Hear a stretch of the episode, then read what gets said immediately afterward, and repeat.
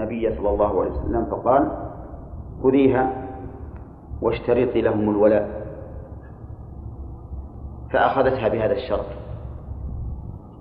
فلما تم العقد خطب النبي صلى الله عليه وسلم الناس وبين أن هذا شرط باطل.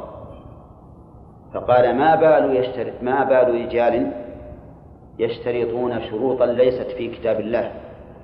كل شرط ليس في كتاب الله فهو باطل وإن كان مئة شرط.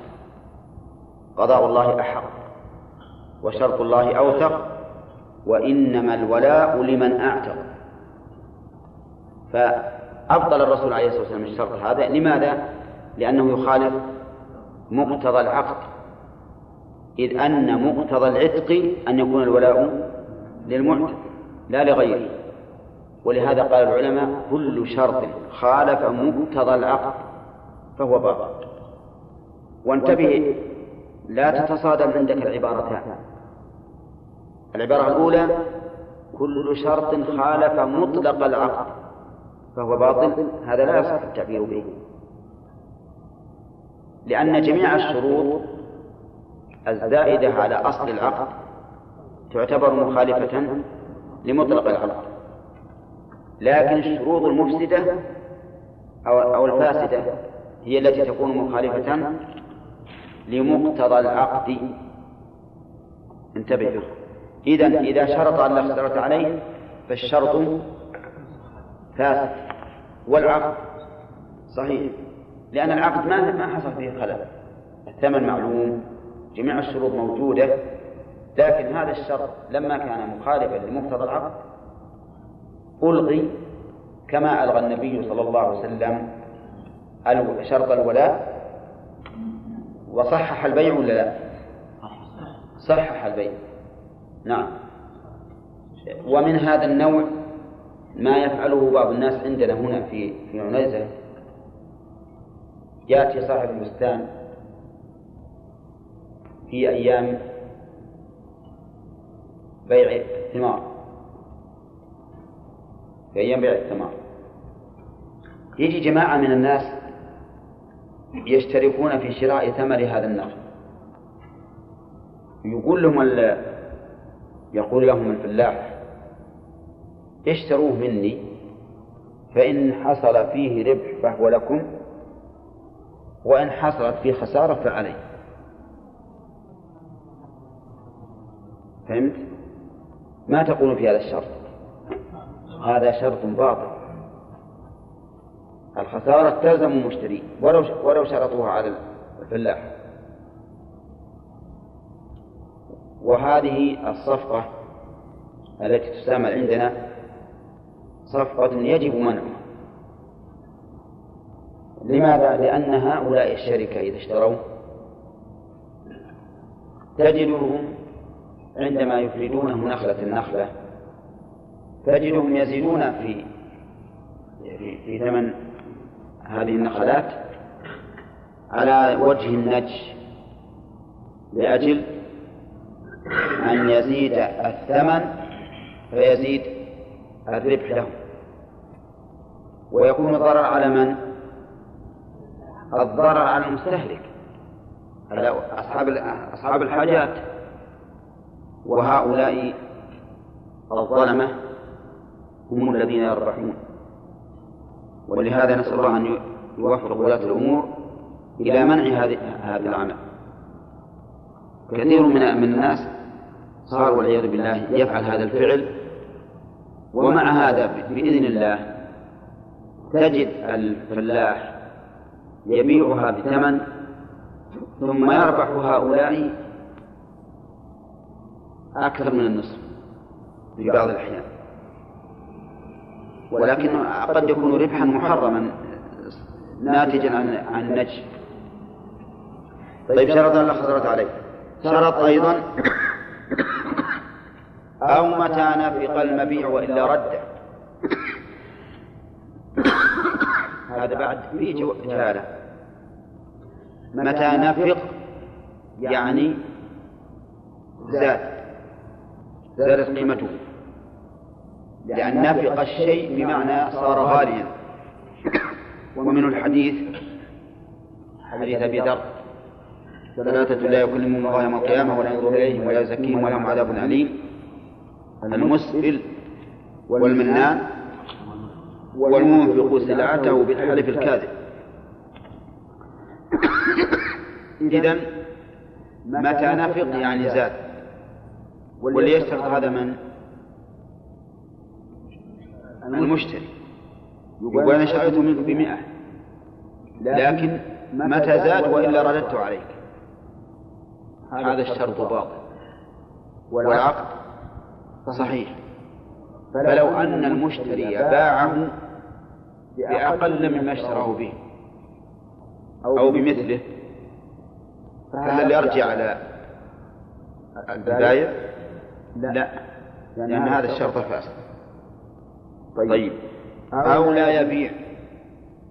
ولا يهب. ولا يعتق. أو إن أعتق فالولاء له. أو أن يفعل ذلك بطل الشرط. هذا هذه الشروط. فيها نفي وإثبات. لأنه قال لا يبيع. ولا يهب. ولا يعتق. هذا نفي. أو أن يفعل ذلك. ما معنى يفعل ذلك؟ يعني يبيع.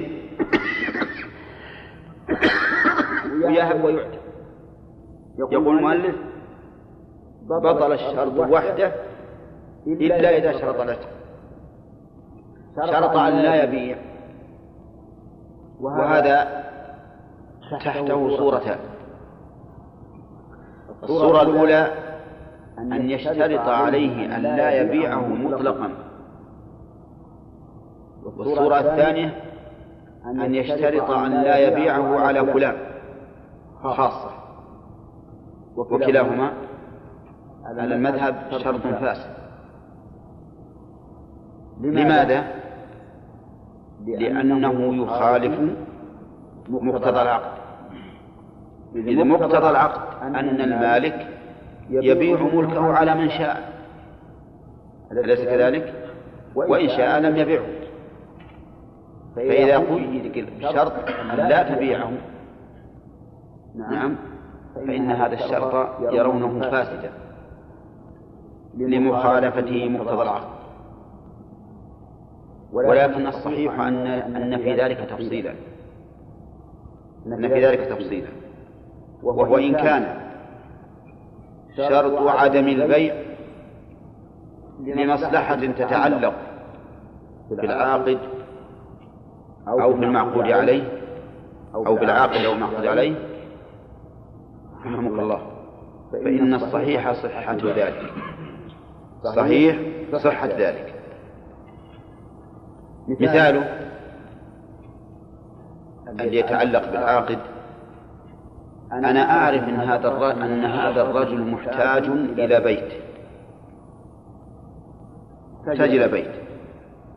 وأريد أن أبيع عليه بيت. لكني أعرف أنني إذا بعت عليه البيت رجل ما عنده حسن تصرف. يمكن أبيع عليه في الصباح ويبيع هو في آخر النهار. وأنا إنما بعته عليه من أجل أن ينتفع به ويسكنه. فأقول له ما أبيع عليك هذا البيت إلا بشرط أن لا تبيعه. فيلتزم بهذا. هذا من مصلحة من؟ من مصلحة العاقل. المشتري. مصلحة الموقود عليه. عندي عبد. وهو عندي في منزلة عالية. فجاءني شخص أثق به وآمنه على هذا العبد. فقال بعني عبدك فقلت بيع عليك بشرط أن لا تبيعه. لأني أخشى إذا باع عبدي على إنسان غشيم يظلمه يهينه يذله. ما أريد هذا للعبد؟ فقلت نعم أبيع عليك عبدي بشرط أن لا تبيعه. المصلحة هنا تعود على إيش؟ ها؟ على العبد. المعقود عليه. نعم. فأنا لي مصلحة في ذلك.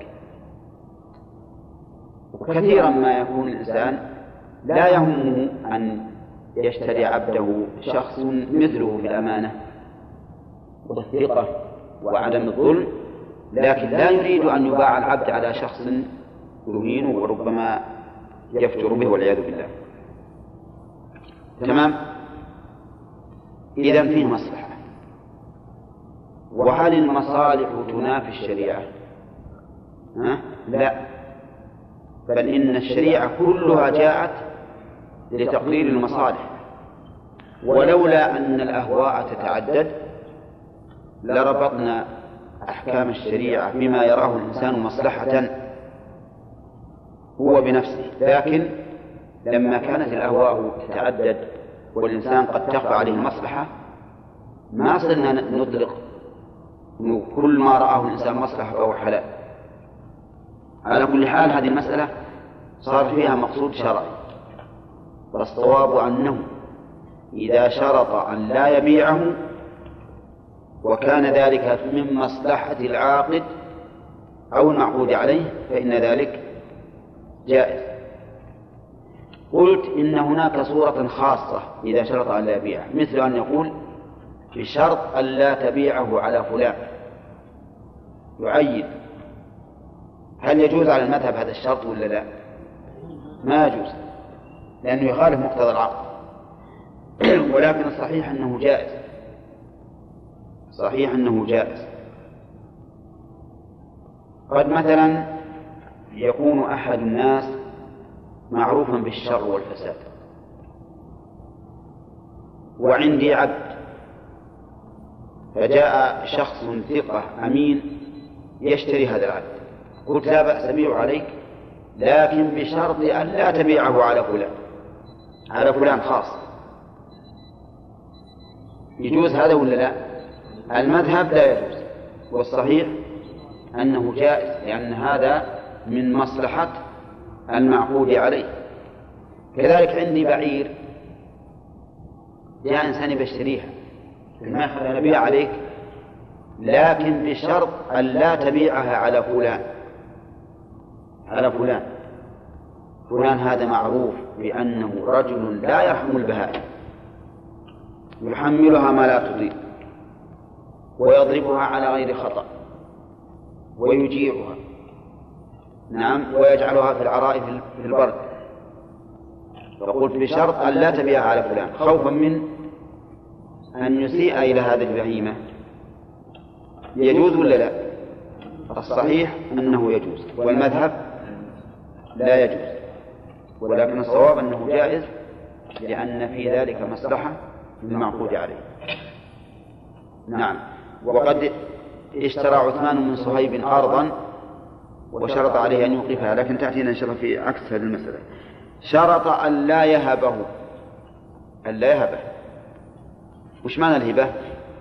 التبرع بالمال بدون عوض في حال الحياة. هذه الهبة. قلت ببيع عليك هذا البيت بشرط أن لا تهبه؟ بشرط أن لا أهبه. أنا أنا حر في ملكي. إذا شريت منك هذا أهب أوجره أبيعه أوقفه. نعم. وش عليك؟ قل لا. بشرط أنك ما تتبرع به. إن نقلته عن ملكك انقله بعوض وإلا بهبة لا.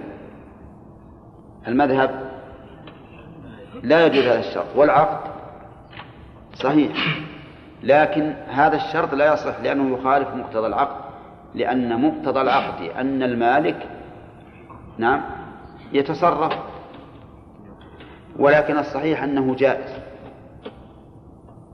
وهذا في الغالب يكون من مصلحة من؟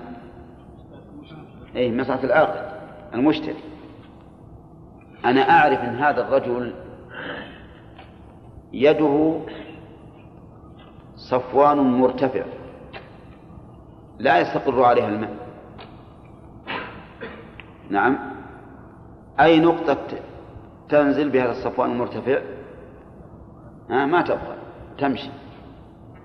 فخفت إذا بعت عليه هذا الشيء أنه بمجرد ما يلزم البيع يهب.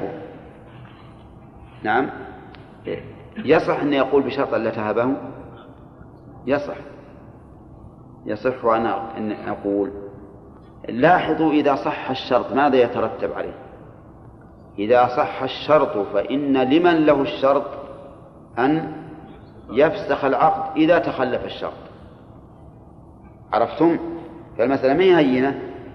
يكون هذا الرجل لو وهبه وأنا قد شرطت عليه أن لا يهبه فأنا أفسخ البيع وأعطيه دراهم وأخذ وأخذ المبيع.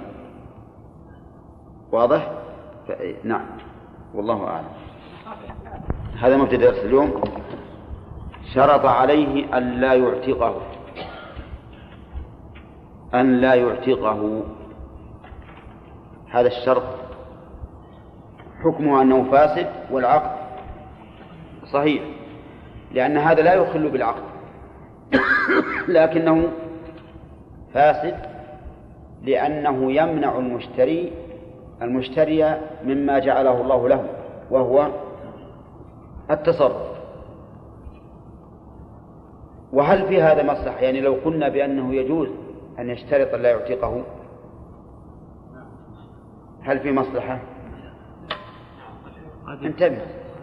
نعم قد يكون لكنها ليست كالصور الأولى. لأن العتق نفسه مصلحة. لكن ربما أقول لا تعتقه لأني أخشى أن يتلف ماله وهو لا يدري يضيع ماله. فالصحيح أن هذه الأمور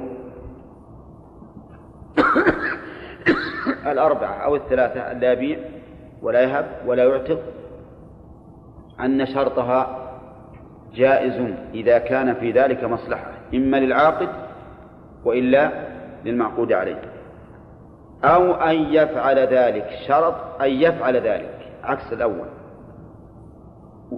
نشوف عكس الأول. شرط أن يبيعه. قال بعت عليك هذا البيت بألف بشرط أن تبيع أن تبيعه. وهذا له صورتان أيضا. إما أن يشترط أن يبيعه مطلقا. أو أن يبيعه على فلان. قال ببيع عليك بألف بشرط أن تبيعه على زيد. يقول المؤلف إن هذا لا يصح. لأنه يخالف مقتضى العقد. إذ مقتضى العقد أني حر أبيع أو ما أبيع أبيع على فلان أو على فلان ما لك دخل. الملك انتقل إليه. أما شرطه أن يبيع فقد يتوجه ما قال المؤلف إنه لا يصح. وأما شرطه أن يبيع على فلان أو إن بعت فبيعه على فلان فقد يقال إن الصحة أوجه أنه يصح. لأنه قد يكون فلان طلب مني هذا البيت. طلب مني هذا البيت ولكنه الآن ليس بحاضر. فأقول للمشتري لا بأس أنا أبيع عليك ولكن بشرط أن تبيعه على فلان إن طلبه. هذا قد يكون في مصلحة. في مصلحة للمشتري مني لأنه ربما يبيعه على فلان بربح. وفي مصلحة بالنسبة لفلان الذي طلب مني البيت بأن لا يفوت عليه. المهم أن هذه المسألة المذهب لا يصح إذا قال بشرط أن تبيعه سواء عين من يبيع عليه أو أطلق. أن يهب مثلها يعني قال بعت عليك هذا الشيء بشرط أن تهبه لفلان. نقول هذا أيضا لا يصح الشرط لأنه يخالف مقتضى العقد طيب لو اشترطت عليك بعتك هذا الشيء بشرط أن توقفه على الغزاة في سبيل الله. ها؟ ما يصح على المذهب على المذهب ما يصح. لكنهم ذكروا أثرا عن عثمان رضي الله عنه أنه اشترى من صهيب أرضا واشترط عليه وقفها ومقتضى هذا جواز شرط وقف المبيع لأن في ذلك مصلحة. مصلحة لي أنا ومصلحة لك أنت. يعني مثلا بعت عليك هذا البيت وقلت بالشرط أن توقفه على الغزاة في سبيل الله. بشرط أن توقفه على طلبة العلم. بشرط أن توقفه على الغرباء. بشرط أن توقفه على أهل العبادة من العباد. وما أشبه ذلك. في مصلحة هذا ولا لا؟ فيه مصلحة. لي ولك. أما لي فلأن ذلك من التعاون على البر والتقوى. وأما لك فلأن الأجر سيكون لك. وهذا قد يكون خيرا قد يكون خيرا لك من الدنيا. فالصحيح في هذه المسألة أنه إذا شرط أن يوجهه إلى إلى شيء فيه خير فإنه لا بأس به ولا حرج. طيب شرط نعم. اشتراه للأغاني فهو ما يجوز. ومع الأسف أن غالب الناس الآن يشترونها. ها؟ غالب الناس الظاهر يشترون الأغاني. وعلى هذا فالاتجار بها ما ما أراه. الاتجار بالراديو لا أراه لأن غالب من ينتفع به أو أو من يستعمله للمحرم. لكن بيعه الأصل فيه الحل. ففرق بين الاتجار اللي يعرضه لكل أحد وبين البيع اللي يبيع على واحد ما ما ينتفع به المحرم. نعم. نعم.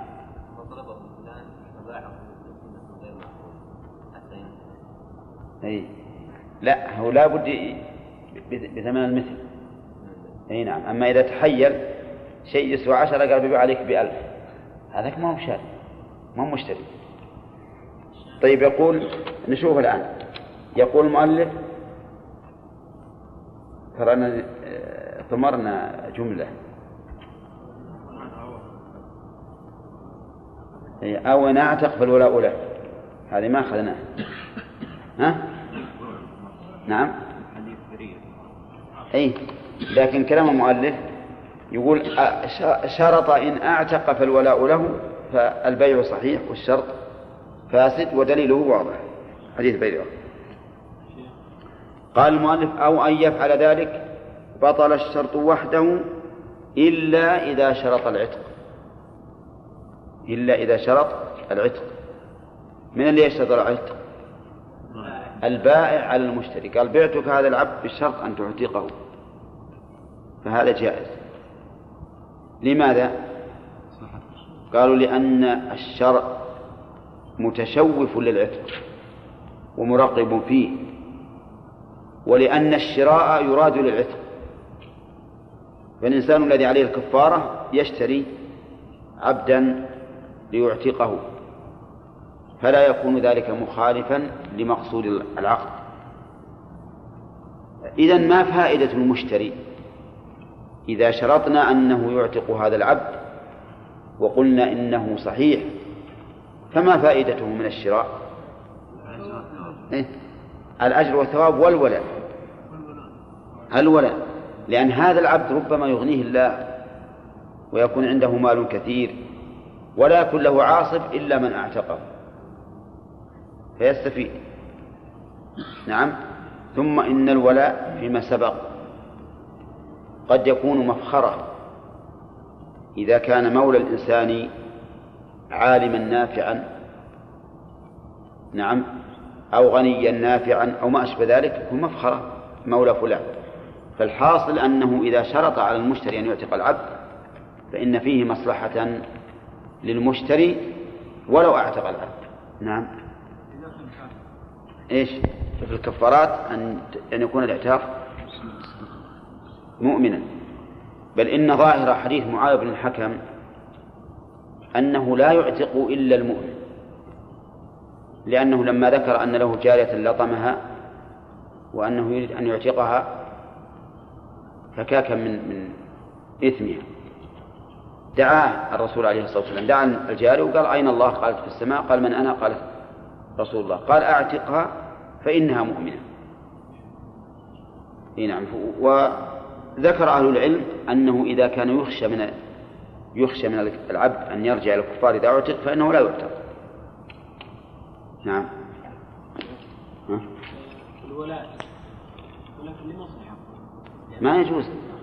ما يجوز. حتى طيب لو أن أحد رأى شخصا له ولد مهذب وعالم ونافع الناس بعلمه وغني ونافع الناس بماله شجاع ونافع الناس بشجاعته قال تعال أنا بعطيك مئة مليون.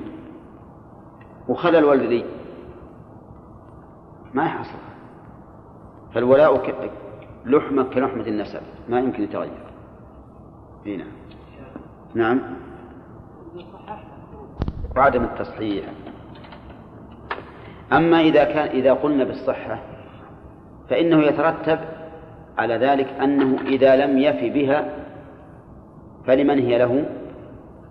الفسخ إذا لم يف بها. وأما إذا قلنا بعدم الصحة فلا حق للمشترط لها. لا حق.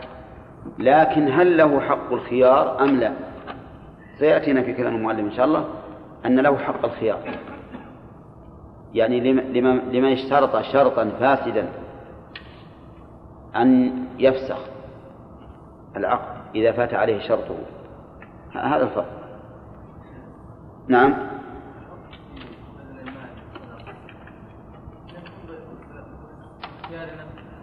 نعم.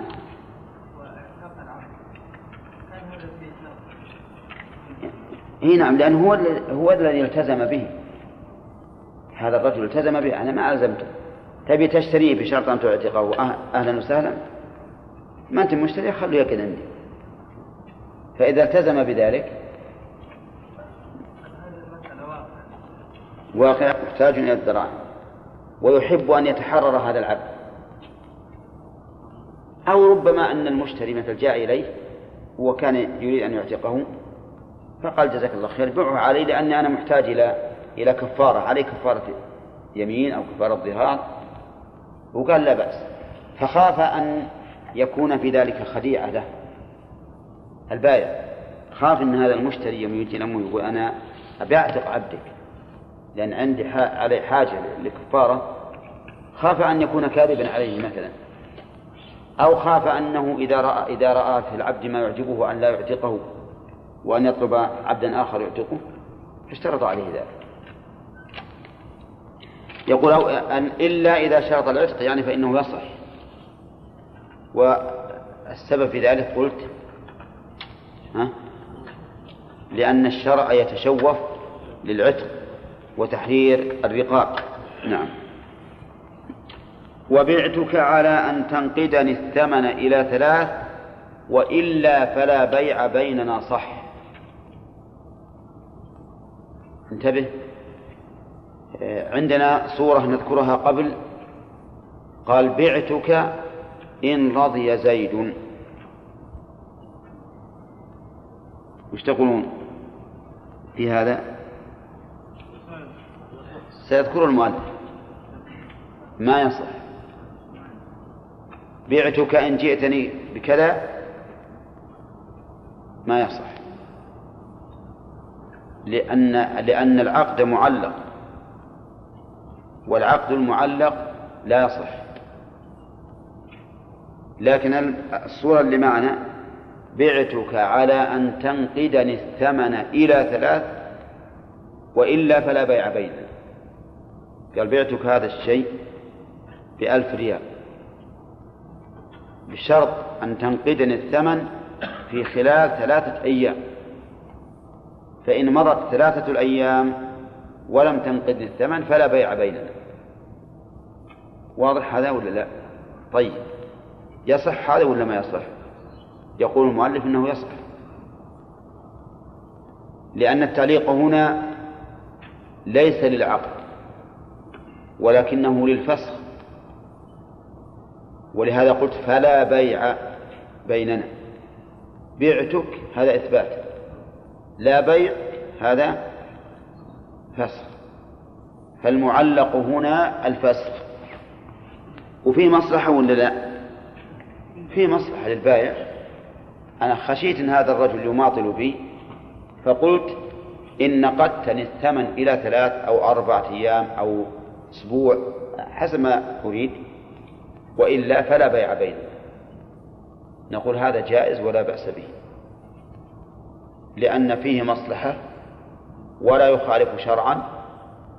نعم وإذا كان فيه مصلحة ولا يخالف الشرع فهو جائز. لكننا نقول إن هذا تعليق فسخ وليس تعليق عقد.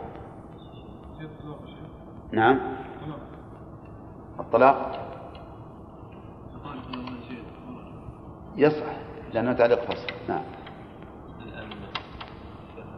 إن جئتني بكذا. بعتك إن جئتني بكذا. فقال قبلت. يقول المؤلف هذا لا يصح. لأنه تعليق عقد. وتعليق العقد لا يصح.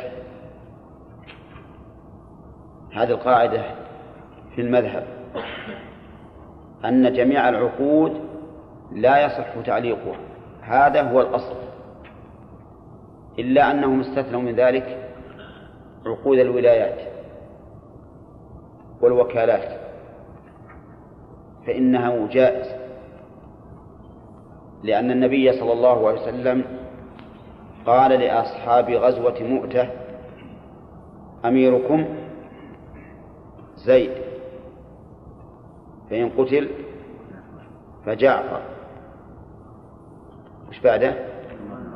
فإن قتل فعبد الله بن رواحة. فعلق الولاية بالشرط. قالوا كل الولايات التي يكون فيها الإنسان نائبا عن غيره يجوز تعليقها مثل الوكالة. وأما بقية العقود المحضة فالأصل فيها عدم جواز التعليق. مع أنهم رحمهم الله في بعض الأحيان يجوزون يجيزون تعليق العقود. ومن ثم اختلف أهل العلم الفقهاء هل يجوز تعليق العقود أو لا يجوز. فجادة المذهب أنه لا يجوز تعليق العقود إلا ما استثني. ولكن شيخ الإسلام ابن تيمية يرى جواز تعليق العقود. إذا كان المعلق عليه أمرا ممكنا معلوما. وهذا الذي ذهب إليه الشيخ هو الصحيح. أن تعليق العقود إذا كان أمرا ممكن إذا كان المعلق عليه أمرا ممكنا معلوما وقولنا ممكنا يعني شرعا وقدرا. فإنه جائز لأن ذلك فيه مصلحة. وكون نفرق بين عقد وعقد هذا تناقض إلا بدليل واضح يقتضي التفريق. بل كوننا نفرق بين العقد والفسخ الأصل أنه إذا جاز تعليق الفسخ جاز تعليق العقد. لكن نمشي على نقرر ما ذكره المؤلف. قال إن جئتني بكذا وش مثال إن جئتني بكذا؟ إيش؟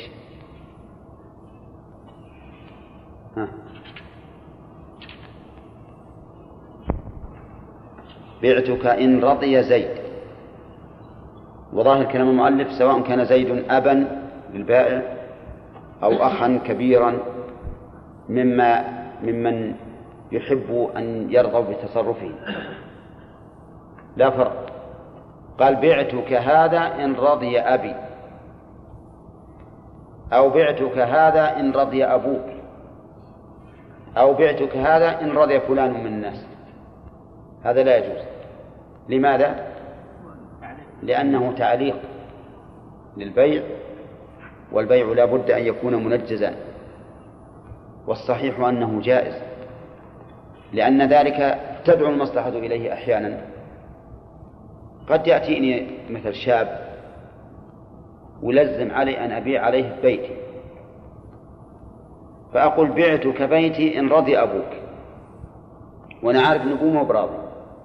وأن المصلحة تقتضي أن لا يشتري هذا الشاب البيت. ولا لا؟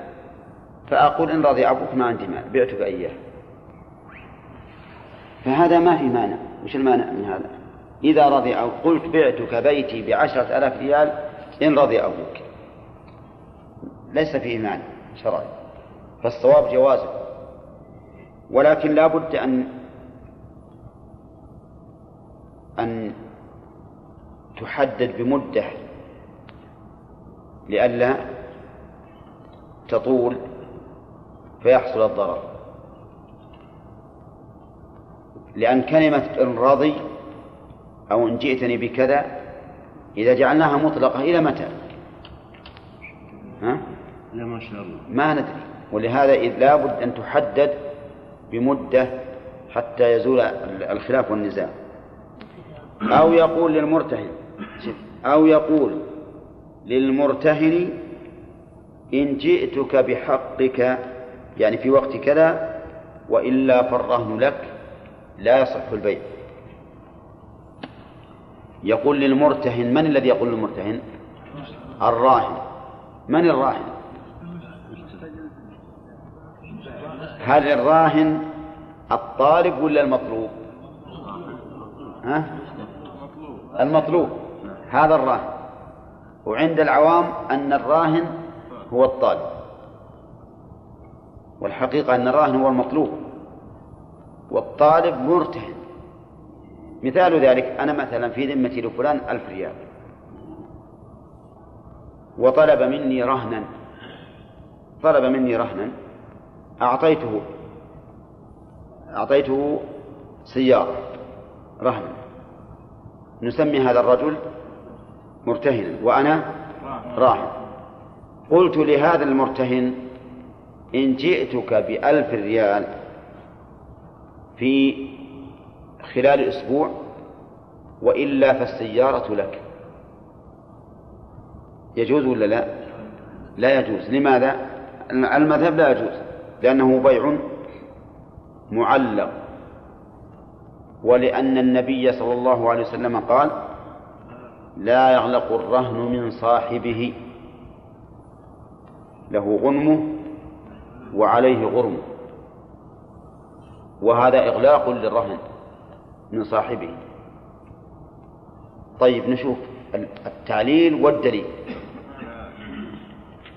القول الثاني في هذه المسألة أنه يصح أن يقول الراهن للمرتهن إن جئتك بحقك في وقت كذا وإلا فالرهن لك.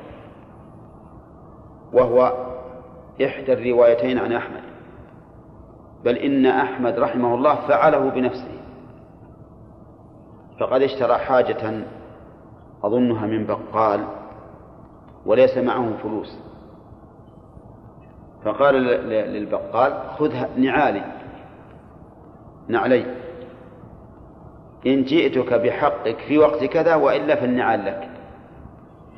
نعم فأخذ نعليه ما عاد يوش النهاية. هل جاب فلوس ولا راحت نعلاه؟ على كل حال الإمام أحمد نفسه فعلها. وفعله له يدل على على جوازه عنده. لأن مثل الإمام أحمد رحمه الله لا يمكن أن يفعل شيئا لا يراه جائزا. حسب حاله والعصمة بيد الله عز وجل. المهم أن هذه المسألة اختلف فيها العلماء وهو أن يقول الراهن للمرتهن. إن جئتك بحقك وإلا في وقت كذا وإلا فالرهن لك. فالمشهور من المذهب أنه لا يجوز والقول الثاني أنه يجوز. طيب على المذهب على المذهب إذا لم يأتي الراهن بحق المرتهن في الوقت المحدد ماذا يصنع المرتهن؟ ها؟ ما يملك الرهن. يبقى عنده رهنا حتى يأتي ذاك بحقه. لأن هذه لأن هذا العقد غير صحيح. وما ليس بصحيح فإنه لا أثر له. أما على القول الثاني فإنه إذا تمت المدة ولم يأتي الراهن بحق المرتهن يكون الرهن ملكا للمرتهن. ملكا للمرتهن. طيب القول الثاني الذين يقولون بالتصحيح يقولون إن هذا شرط لا ينافي العقد وشرط فيه مصلحة لكلا الطرفين. وأما التعليل بأنه عقد معلق فإننا نمنع منها من صحة هذا التعليل. ونقول أن إن الأصل جواز الشرط ولو كان تعليقا للعقد وأما الحديث لا يخلق الرهن من صاحبه فلا ينطبق على هذه المسألة لأنه ما دام صاحبه قد رضي بذلك هل أغلق عليه؟ ها؟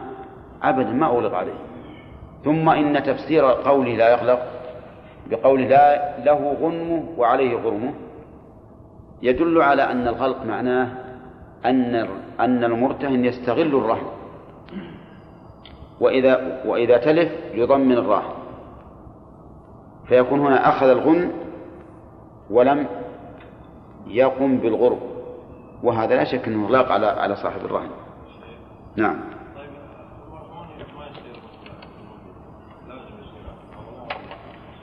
على كل حال إذا كان إذا كان الراهن يرى أن هذا الرهن أكثر مما يطلب. فهو ما منفرط فيه. لا ينفرط فيه أبدا. ها؟ أحسنت. إذا كان عذر يكون هذا محل نظر. يعني لو فرض أن الراهن توجه بحقه إليه لكن تعطلت السيارة مثلا أو كان هناك عذر هذا ينظر فيه. ينظر فيه وقته. إنما الأصل الصحة. يمكن بعضكم لا يدري ماذا يسمى. في عرفنا يسمونه بيع الخيار.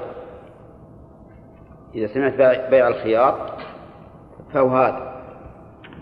نعم يقولون مثلا انقطع له أو أنه اشتراه من هذا بيع خيار. بيع الخيار هو الذي يقول إن جئتك بحقك وإلا فالرهن لك. وسموه خيارا لأن البائع بالخيار إذا جاء بحقه ما صار بيع. نبدأ الآن بالدرس الجديد. قال المؤلف وإن باعه وشرط البراءة من كل عيب مجهول لم يبرأ. باعه وشرط البراءة. باعه. كيف باعه؟ هو عبد حتى يباع. ها؟ إيه؟ نقول باع هذه تتعدى بنفسها وبحرف الجر. فتقول بعته البيت. وتقول بعت عليه البيت. أولى وتقول بعت زيدا على البيت. ها؟ ما تقول؟ طيب. إذن تتعدى باع تتعدى إلى المعقود عليه بنفسه وإلى العاقد بنفسها تارة وبعلى تارة وبمن تارة أيضا بعت منه كذا. فهنا باعه يعني وإن باعه شيئا فالمفعول الثاني محذوف. تقدير وإن باعه شيئا. أي باع عليه شيئا. وشرط من؟ البايع. شرط البراءة من كل عيب مجهول لم يبرأ. إذا شرط في العقد في نفس العقد إنه بريء من كل عيب من كل عيب مجهول مو معلوم فإن البائع لا يبرأ بذلك. مثاله باع عليه السيارة. قال بعتك هذه السيارة بخمسة آلاف على أن أنني بريء من كل عيب فيها. فقال قبلت. وأخذ السيارة ومشى. ثم ذهب المشتري فوجد في السيارة عيبا. فجاء إلى البائع وقال له وجدت فيها عيب. عيبا. له أن يطالبه؟ نعم المؤلف يقول لم يبرأ. وعلى هذا فله أن يطالبه. له أن يطالبه. لأن هذا الشرط غير صحيح. لماذا غير صحيح؟ قالوا لأنه لا يبرأ من العيب إلا بعد ثبوت البيع. فإن خيار العيب فرع عن ثبوت العقد. ولهذا لو أبرأه بعد العقد برئ لو بعد أن باع عليه السيارة قال بعتك السيارة بخمسة آلاف ثم قال اصبر. ترى ما تردها علي بعيب أنا بريء من جميع العيوب اللي فيها. على المذهب يصح. لأنه أبرأه من العيب بعد ثبوته إذ أن الخيار فرع عن عن العقد. فإذا أسقط الخيار بعد العقد صح. وإذا أسقطه قبل العقد أو مع العقد فإنه لا يصح. هذا ما ذهب إليه الفقهاء رحمهم الله. وعلى هذا فهم يفرقون بين الإبراء من العيب بين الإبراء من العيب إذا كان في العقد أو قبله أو بعده. فإذا كان قبله لم يصح. إذا كان بعد معه ها لم يصح. إذا كان بعده صح. نعم. لو كان يعتبر شرط ولا إيش؟ شرط نعم هذا شرط براءة. هذا المثال. الآن جاء رجل إلي ليشتري مني سيارة. قال بشتريها منك بخمسة آلاف ريال. قلت طيب لكن ترى بريء من جميع العيوب. التي فيها. فقال لا بأس. ثم بعد ذلك عقدنا البيع هذا الإبرة متى؟ قبل العقد. الصورة الثانية قال أريد أن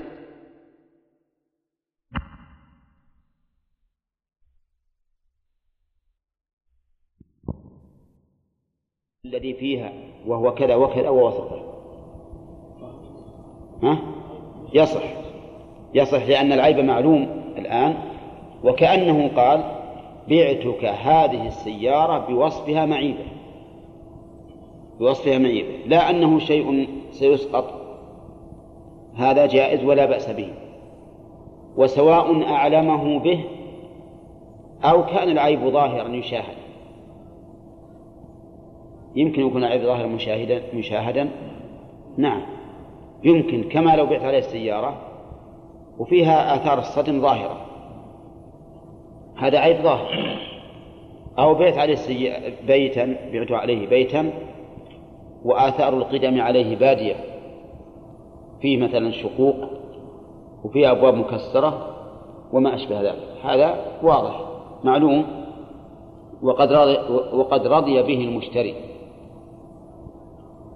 هذا ما ذهب إليه المؤلف رحمه الله. والصحيح في هذه المسألة أنه إذا أبرأه من العيوب المجهولة فإما أن يكون عالما بها لكن كتمها.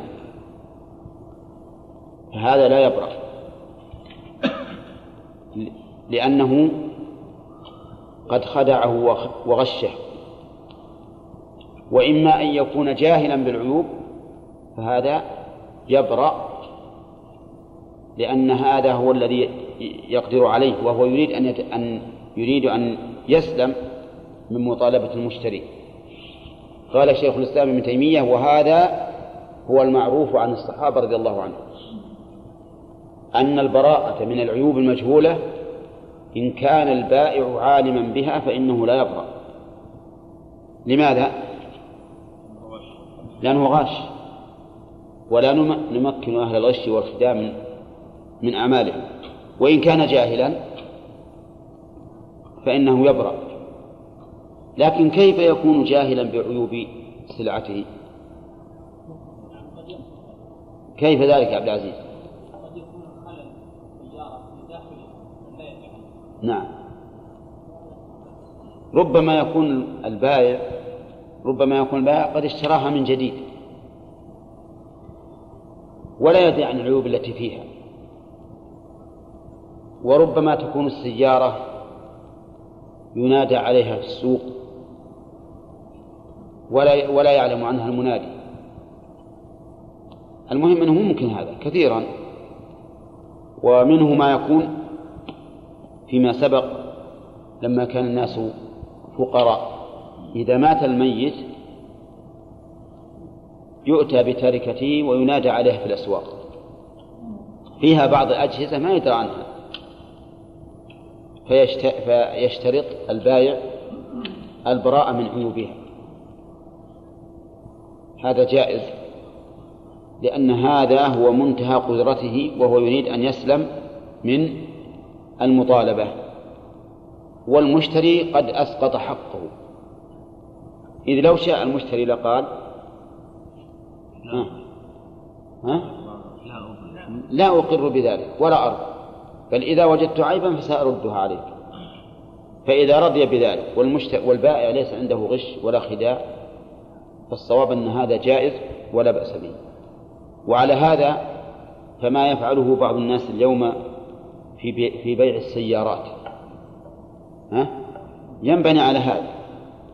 تجد البائع يعرف أن فيها عيبا معينا يعرف أن فيها عيبا معينا لكن يجي يقول شوفوا يا جماعة تراها خشب على كفرات ها؟ وعلشان إيش؟ علشان يبرأ وهو يعلم إن فيها العيب المعين هذا لا شك إنه إنه إنه غاش ولا يبرأ من من ذلك إذا علمنا أنه قد علم بالعيب لكن ما هو الطريق إلى العلم بأنه علم بالعيب؟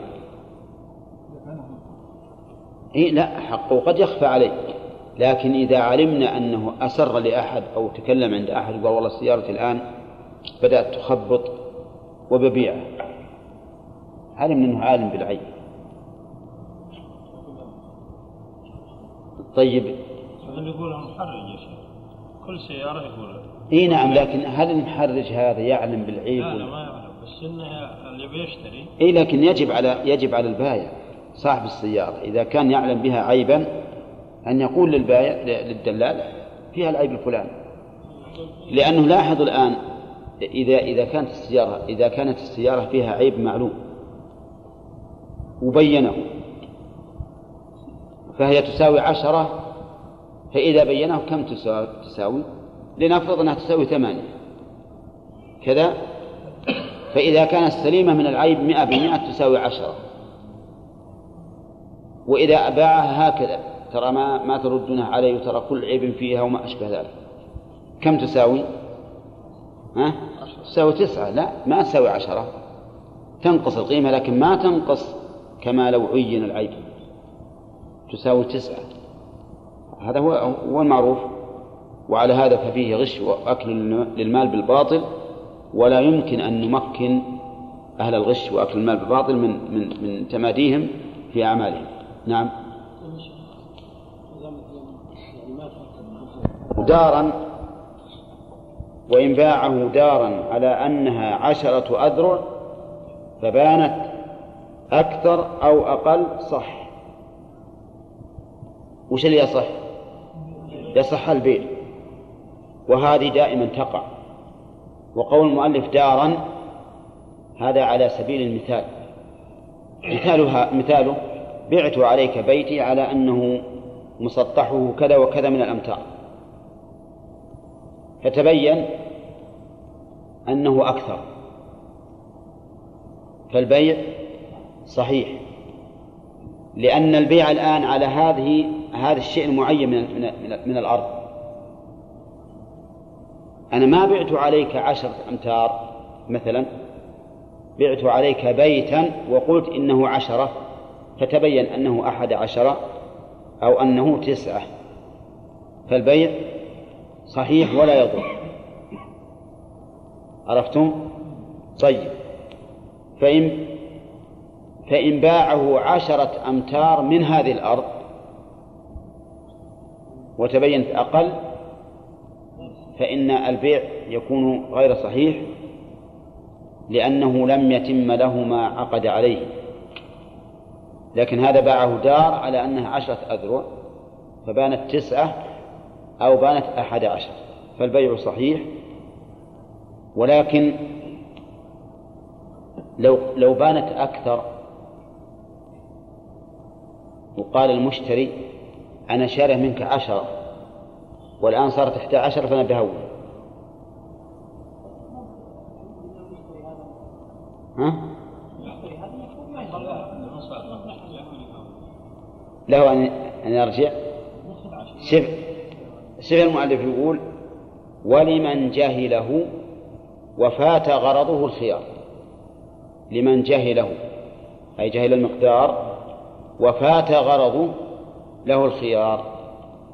فأفاد المؤلف أن الخيار يثبت بشرطين أحدهما أن يكون جاهلا بحقيقة الأمر والثاني أن يفوت غرضه. فإن باعني دارا على أنها عشرة أذرع وأنا أدري أنها تسعة. ثم لما تم العقد جئت إليه وقلت أن بعتني إياها على عشرة والآن تبين أنها تسعة. فلي خيار نقول لا خيار لك.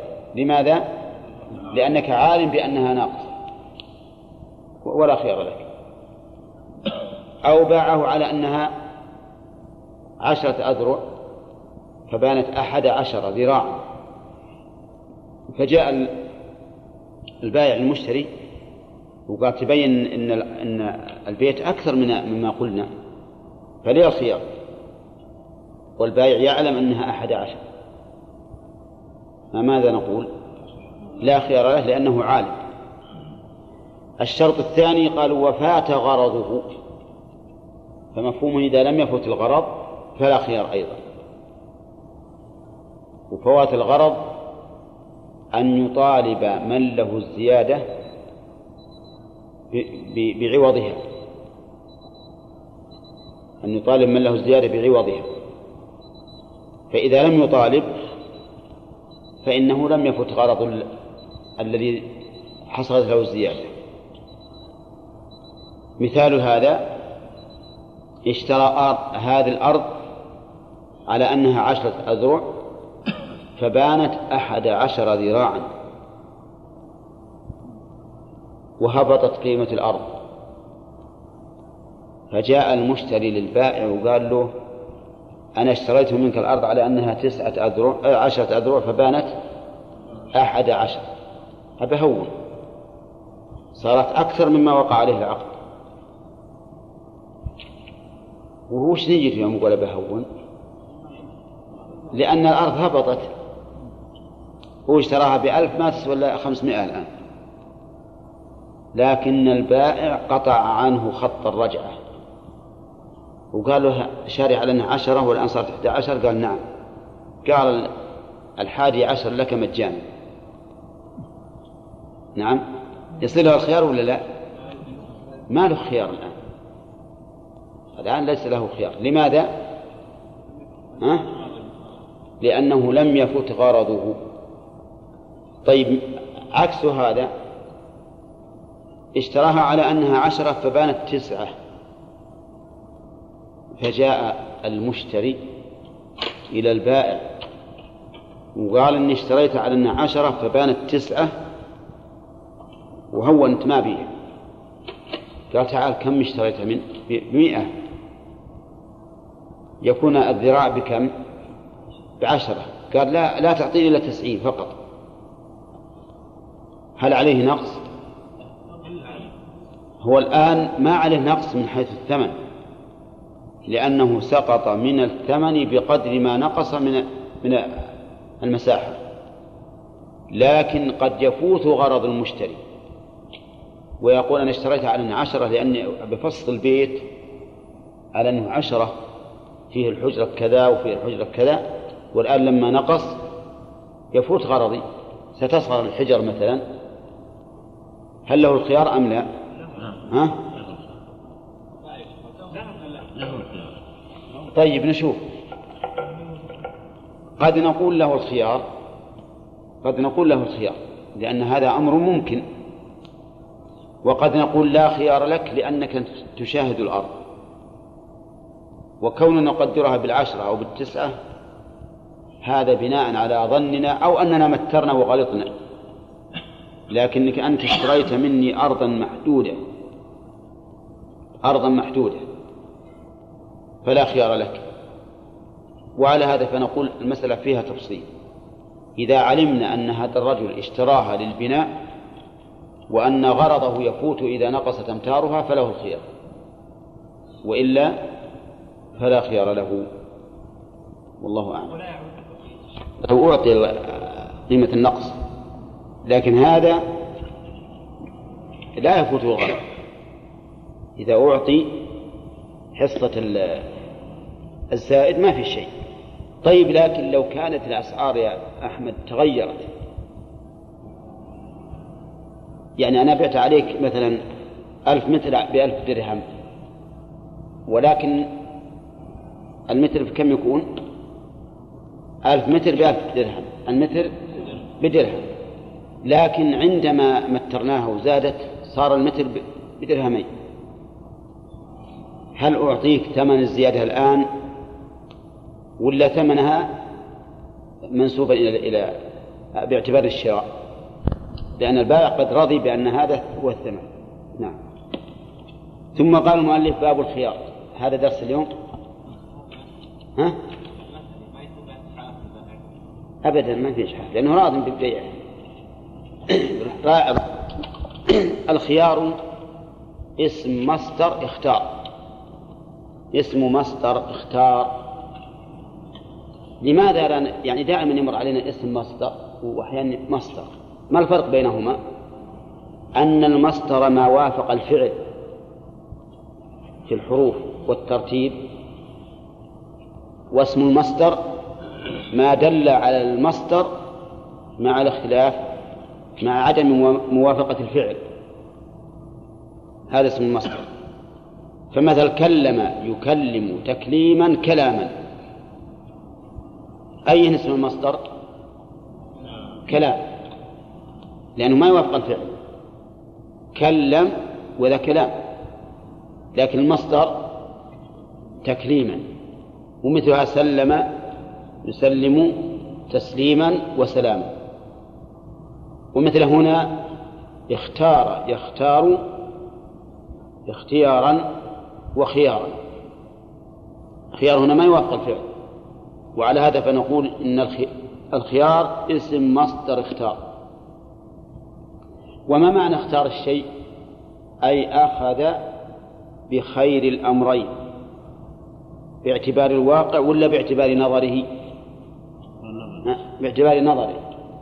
لأن الإنسان قد يختار أحد الأمرين وليس هو الخيار في الواقع. أو, أو وليس هو الاختيار في الواقع. نعم. فإذا الخيار معناه الأخذ بخير الأمرين. وإن كان بعضهم يعبر بقوله طلب خير الأمرين ولكن قولنا الأخذ هو الأولى لأنه قد لا يكون هناك طالب ومطلوب نعم الأخذ بخير الأمرين. واعلم أن أحب شيء إلى الإنسان ما منع. يقولون إن الصيد وهو يطير في الهواء في الجو أشد ما يكون الصائد إليه شوقا. فإذا رماه فوقع صار عنده زهيدا. ويقولون إن الملك الذي للغير تتعلق به النفس أكثر من الملك الذي عنده. أليس كذلك؟ طيب. ومن أجل هذا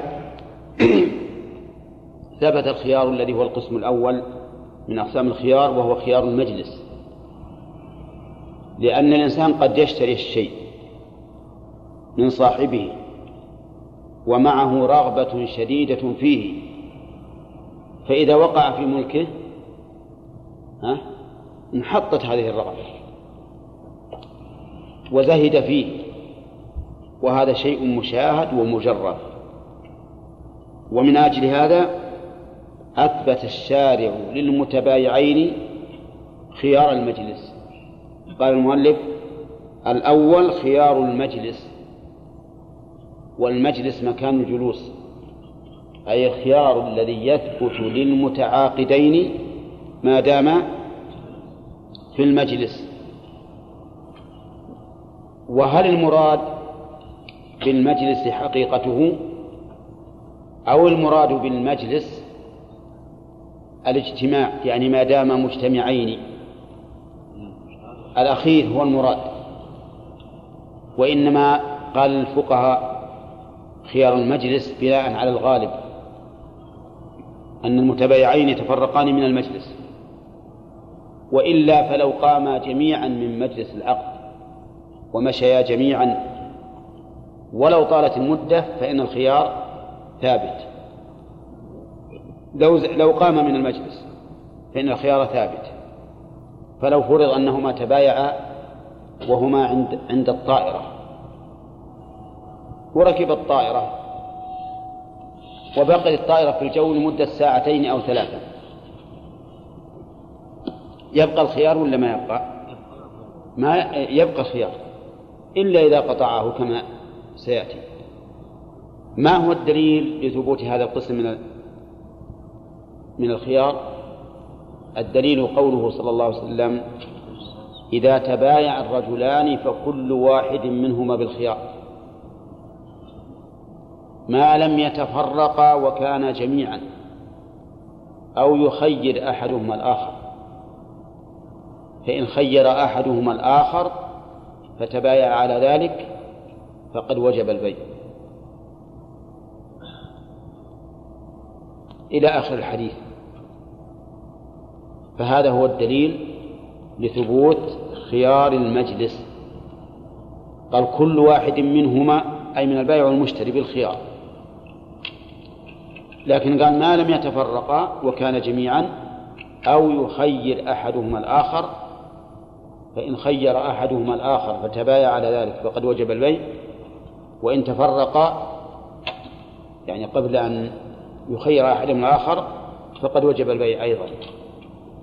فبين الرسول عليه الصلاة والسلام في هذا الحديث أن كل واحد منهما في الخيار ما لم يتفرقا وقوله وكان جميعا هذا تأكيد لقوله ما لم يتفرقا لأن معنى عدم التفرق أن يكون جميعا. وقوله أو يخير أحدهما الآخر. معناه أو يجعل أحدهما الخيار لصاحبه فقط.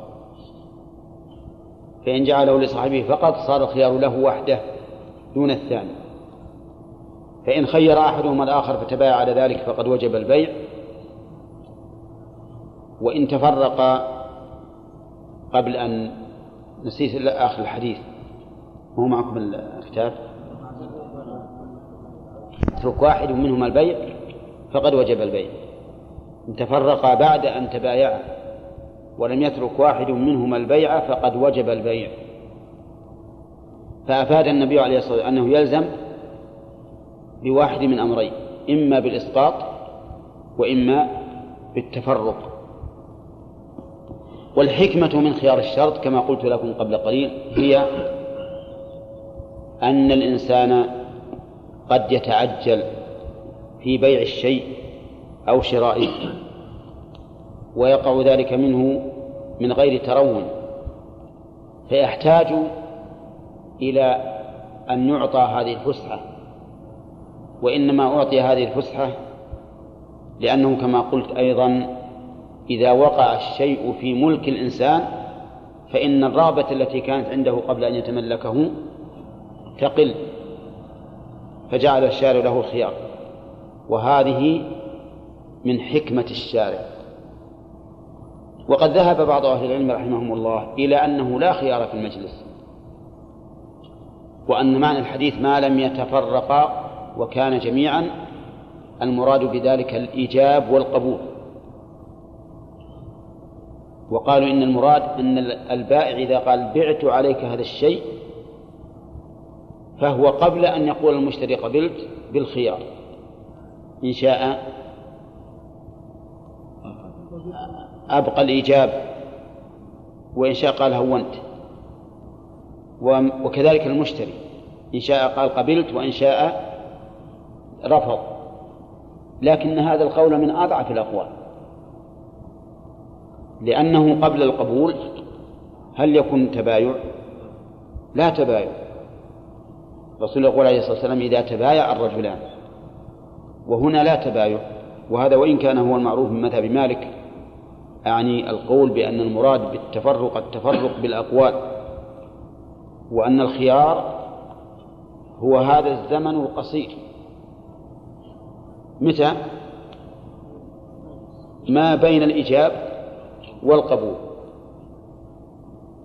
فنقول إن هذا لا بيع لم يحصل بيع حتى نقول إنه داخل في الحديث.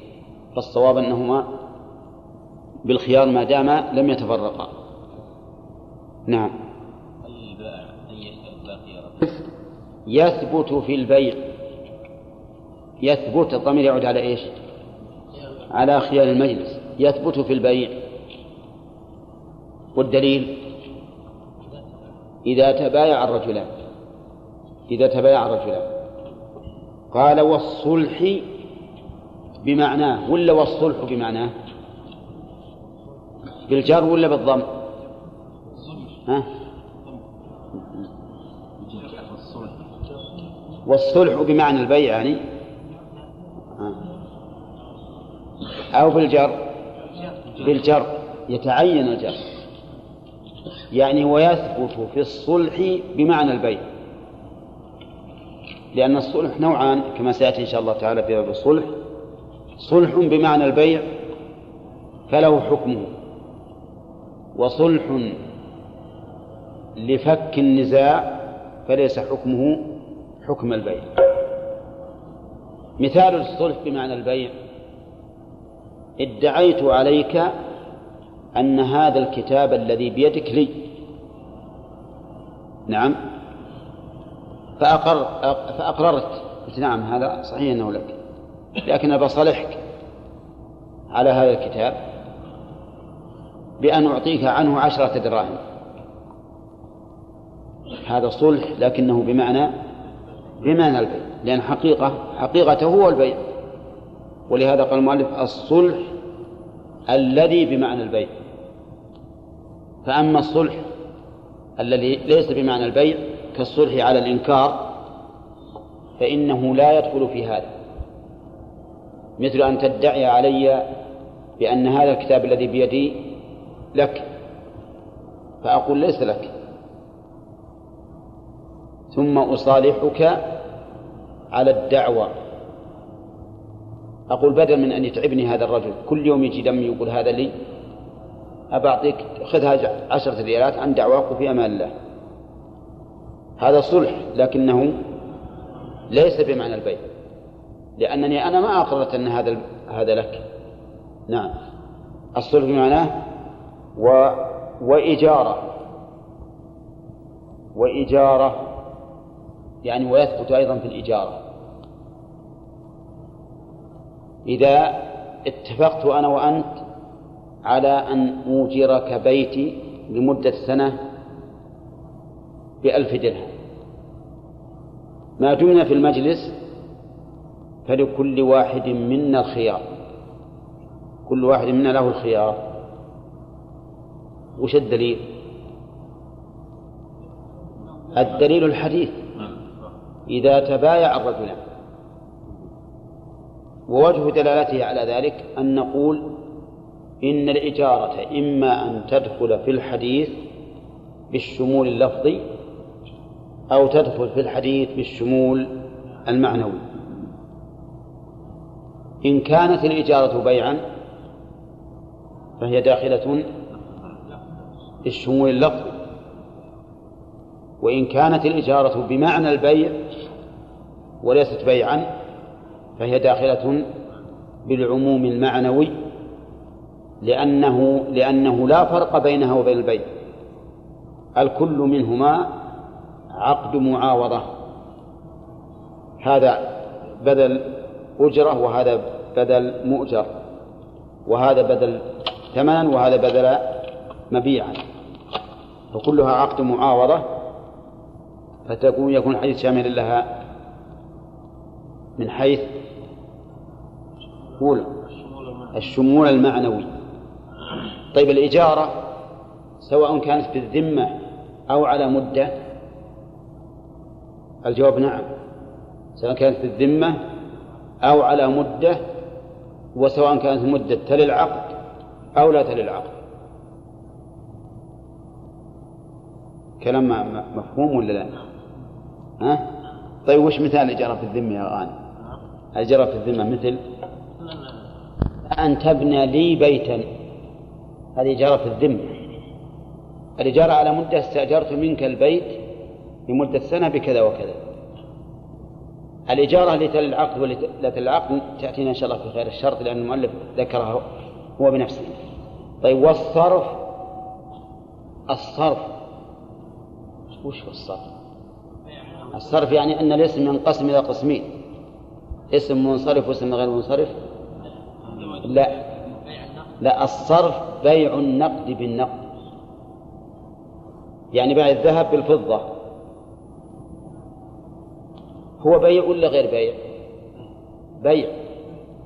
لكنه سمي بهذا الاسم الخاص لأن لأن لعد الدراهم والدنانير صريفا يعني صوتا يسمع.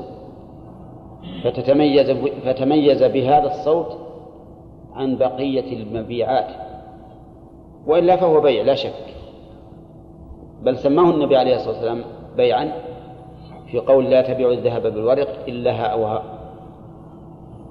فهو بيع لكن له أحكام خاصة كما سيأتي إن شاء الله في باب الربا والصرف فلهذا نص عليه المؤلف. والسلم السلم السلم مأخوذ من الإسلام. إسلام الشيء يعني تسليمه. فما هو السلم؟ السلم هو تعجيل الثمن وتأجيل المثمن.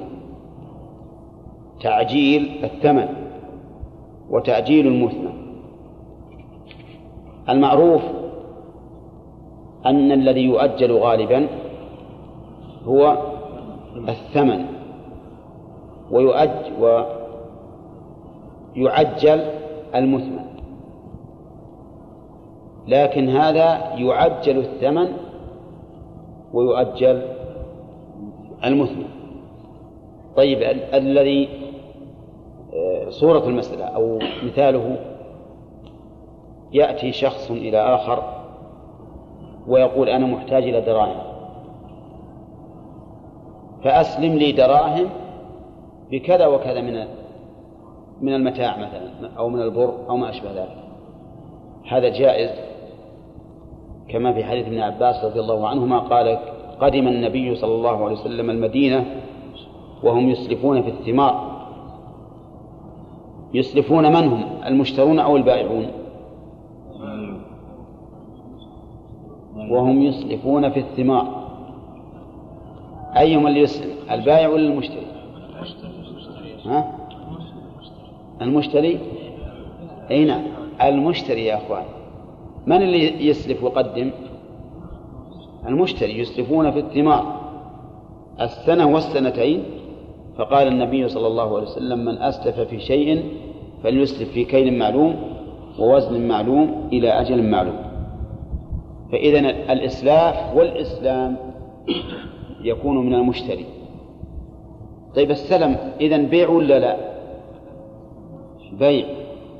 لكن له أحكام خاصة كما يأتي في كما سيأتي إن شاء الله في بابه. فلهذا نص عليه المؤلف. طيب يقول دون سائر العقود.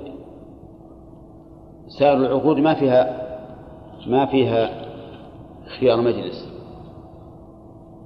النكاح في خيار مجلس. طيب إذا قال الزوج هونت. في مجلس العقد. وش نقول؟ نقول طلق. لكن إذا قالت الزوجة هونت. أو أو أبو الزوجة. في نفس المجلس. ها؟ سؤال عبد العزيز. أن الإنسان لا يقدم عليه إلا عن تروع ونظر وبحث. لا الزوج ولا الزوجة.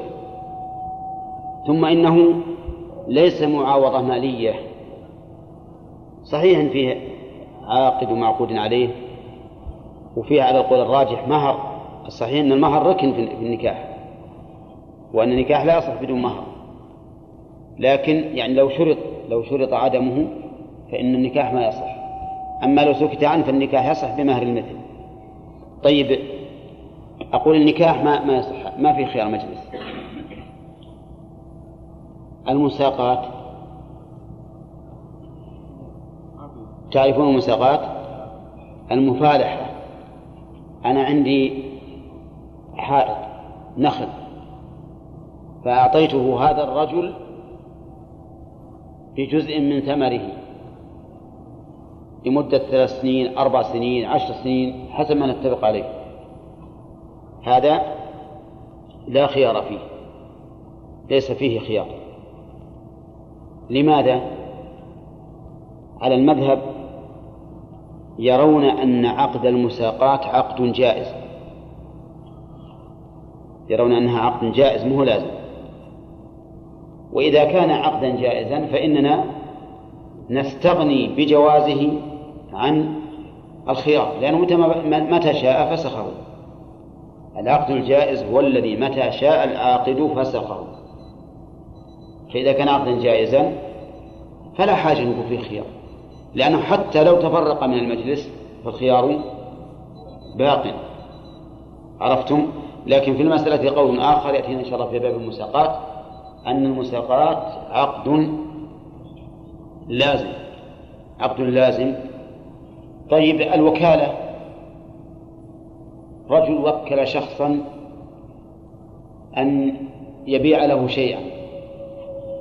في نفس المجلس هل لهما الخيار؟ لا خيار. لا خيار. لماذا؟ لأنه عقد جائز. فيستغنى بجوازه عن الخيار في المجلس لأن لكل منهما أن يفسخ هذا العقد ولو كان بعد المجلس. وعلى هذا فيمكن أن نتخذ من ذلك قاعدة. وهي أنه لا خيار في العقود الجائزة.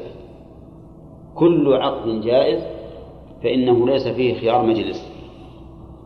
نعم لماذا؟ لماذا؟ لأنه يستغنى بجوازه عن الخيار. ما دام إنك لك أن تفسخ هذا العقد ولو بعد التفرق ما حاجة نقول في خيار مجلس. لأن معنى قولنا خيار مجلس أنه بعد المجلس ها؟ لا خيار. وهذا العقد الجائز فيه الخيار دائما. دون سائر العقود ثم قال المؤلف ولكل من المتباعين الخيار ما لم يتفرقا. نسأل الله أن يرزقنا العلم النافع. هذا شرع والحكمة الثانية لماذا لم يكن طويلا كاليومين والثلاثة؟ عرفتم؟ الحكمة الأولى قلنا لأن الإنسان قبل أن يملك الشيء تتعلق به نفسه تعلقا أكثر. فإذا ملكه هانت يعني زالت تلك الرغبة فشرع له الخيار. ولم يكن طويلا. ها؟ نعم لانتفاء الضرر. نفي للضرر نعم. أن يترتب عليه ها؟ مقتضاه بمجرده. بمجرد ما يحصل العقد يترتب مقتضاه. خولف في البيع لورود النص فيه فيبقى ما عداه على الأصل. يعني تعليل إذا فيقال في ذلك في التعليل بقية العقود إما جائزة أو لازمة. بقية العقود إما جائزة أو لازمة. إن كانت جازمة جائزة فلا خيار فليس فيها خيار مجلس استغناء بجوازها عن خيار المجلس. وما المراد بالجائزة هنا يعني ليست حراما؟ الجائزة ما ليست لازمة. ما ليست لازمة. طيب. وإن كانت لازمة لكنها آه، غير معاوضة فالتعليل نقول الأصل في العقد ترتب مقتضاه عليه بمجرده. خولف في البيع لورود النص به فيبقى ما عداه على الأصل. طيب المؤلف رحمه الله ذكر أنه يثبت في الإجارة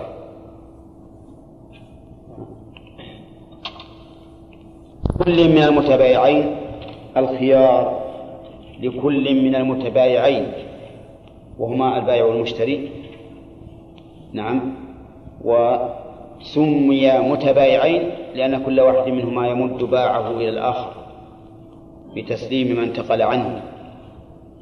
البائع يمد يده لتسليم المثمن والمشتري يمد يده لتسليم الثمن. وكذلك الاستلام ما آل إليه. نعم.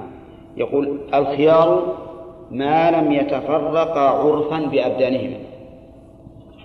ما لم هذه ما يسمونها مصدرية ظرفية.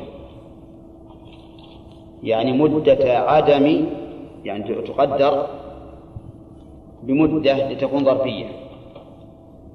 وتؤول إلى مصدر لتكون مصدرية. يعني مدة عدم تفرقهما كلمة عدم غير موجودة بالكتاب لكنها مفهومة منين؟ من النفي لم ما لم يتفرقا أي مدة عدم تفرقهما.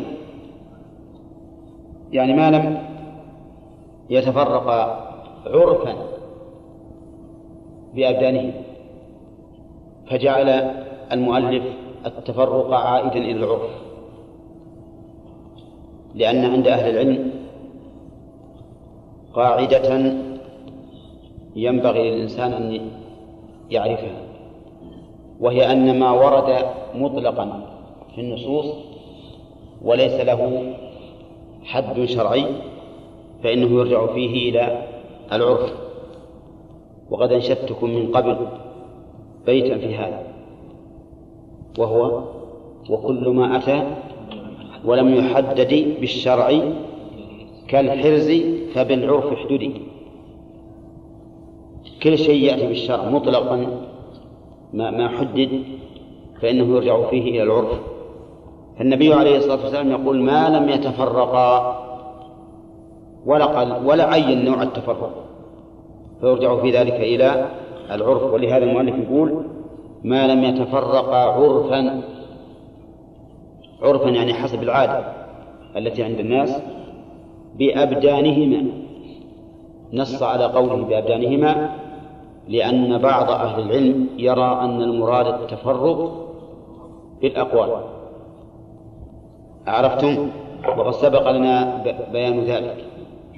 فالصحيح أن المراد التفرق بالأبدان ما لم يتفرقا عرفا بأبدانهما فإن تفرقا بأبدانهما نعم وجب البيع لقول النبي عليه الصلاة والسلام وإن تفرقا بعد أن تبايعا ولم يترك واحد منهما البيع فقد وجب. البيع وجب بمعنى حسين. ثبت ولزم. بمعنى ثبت ولزم. نعم. طيب وقوله ما لم يتفرقا عرفا. هل يجوز للإنسان أن يفارق صاحبه لإسقاط خياره؟ نعم. الجواب لا. لا يجوز. ولهذا جاء في الحديث الذي رواه أهل السنن ولا يحل له أن يفارقه خشية أن يستقيله. ولا يحل له أن يفارقه خشية أن يستقيله.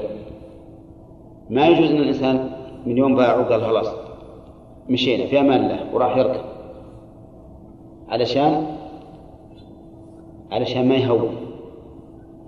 ومن ذلك ما يفعله بعض الناس نسأل الله العافية. فيما إذا اشترى شقصا من شخص. إذا اشترى شقصا من شخص. يعني نصيبا من ملك. فإن الشريك له حق الشفعة. تدرون ما هي الشفعة؟ الشفعة أنا وأنت مشترك مشتركان في عقار. لك نصف ولي نصف. فبعت نصفه على نصفه على شخص. فلك أنت يا شريكي أن تأخذ هذا هذا الذي أنا بعت من الذي اشتراه قهرا بثمنه. عرفتم؟ بعض الناس إذا اشترى الشخص من هذا المشترك من يوم يتم العقد يقول قد وقفت هذا الشيء. وقفت يعني سبلت سبلت هذا الشيء لأجل أن يبطل حق الشريك في الشفعة لأنه إذا وقف ما عاد يؤخذ بالشفعة. العلماء رحمهم الله قالوا هذا حرام ويحرم التحيل لإسقاط الشفعة فإن فعل لم تسقط الشفعة وبطل الوقت هذا أيضا لا يحل للإنسان أن يفارقه خشية أن يستقيله. أما لو فارقه لأنه انتهى العقد ويريد يذهب إلى أهله فإن هذا لا بأس به. الأعمال بالنيات وليست في صورها. قال وإن نفياه أو أسقطاه سقط. نفياه أو أسقطاه. نفياه قبل ثبوته أو أسقطاه بعد ثبوته. هذا الفرق بين النفي والإسقاط. مثال النفي أن يقول بعتك هذا الشيء على أن لا خيار بيننا. ها. الآن نفي قبل الثبوت. لأنه نفي في صلب العقد. فإذا نفياه على أن لا خيار بينهما أو قال بعتك هذا على أن لا خيار لك أنت فقط. فإن الخيار ينتفي عمن نفي عنه. أو أسقطاه كيف أسقطاه؟ يعني بعد بعد ثبوته. يعني بعد أن باع عليه الشيء ثبت الخيار الآن. فأسقطاه. كيف أسقطاه؟ يعني قالت ألغينا الخيار. ألغينا الخيار بيننا. يجوز ولا لا؟ يجوز. لماذا؟ لأن الحق لهما والشارع إنما شرع المجلس لمصلحة المتعاقدين فإذا أسقطاه برضاهما جاز وسقط الدليل الآن عللنا لأنه من حقهما لكن ما هو الدليل؟ الدليل حديث ابن عمر اللي أشرنا إليه قبل قليل ها؟ ما لم يتفرقا وكان جميعا أو يخير أحدهما الآخر فإن خير أحدهما الآخر فتبايع على ذلك فقد وجب البيع. وإن تفرقا بعد أن تبايعا ولم يترك واحد منهما البيع فقد وجب البيع. فهذا دليل على أنه إذا أسقط أحدهما خيار صاحبه أو أسقطه جميعا سقط. وإن أسقطه أحدهما بقي خيار الآخر إذا أسقطه أحدهما بأن قال أسقطت خياري. يبقى خيار الآخر. وإن أسقط أحدهما خيار صاحبه. يسقط ولا لا؟ ها؟ ها؟ لا بدون رضا. تبايع. ثم قال أسقطت خيارك. ما يسقط؟ لماذا؟ حق له لأن الحق له. ولهذا قال المؤلف إن أسقطه أحدهما يعني عن نفسه بقي خيار الآخر. وإن أسقطه جميعا كما في أول الكلام سقط. وإذا مضت مدته بطل البيع. لازم لازم البيع نعم. وإذا مضت مدته لزم البيع. قول المؤلف إذا مضت مدته توهم طالب العلم أن خير المجلس له مدة معينة. إذا مضت بطل. ولكن هذا ليس مرادا للمؤلف بل مراده إذا كان التفرق إذا كان التفرق. فإن التفرق معناه إنهاء المدة معناه إنهاء المدة.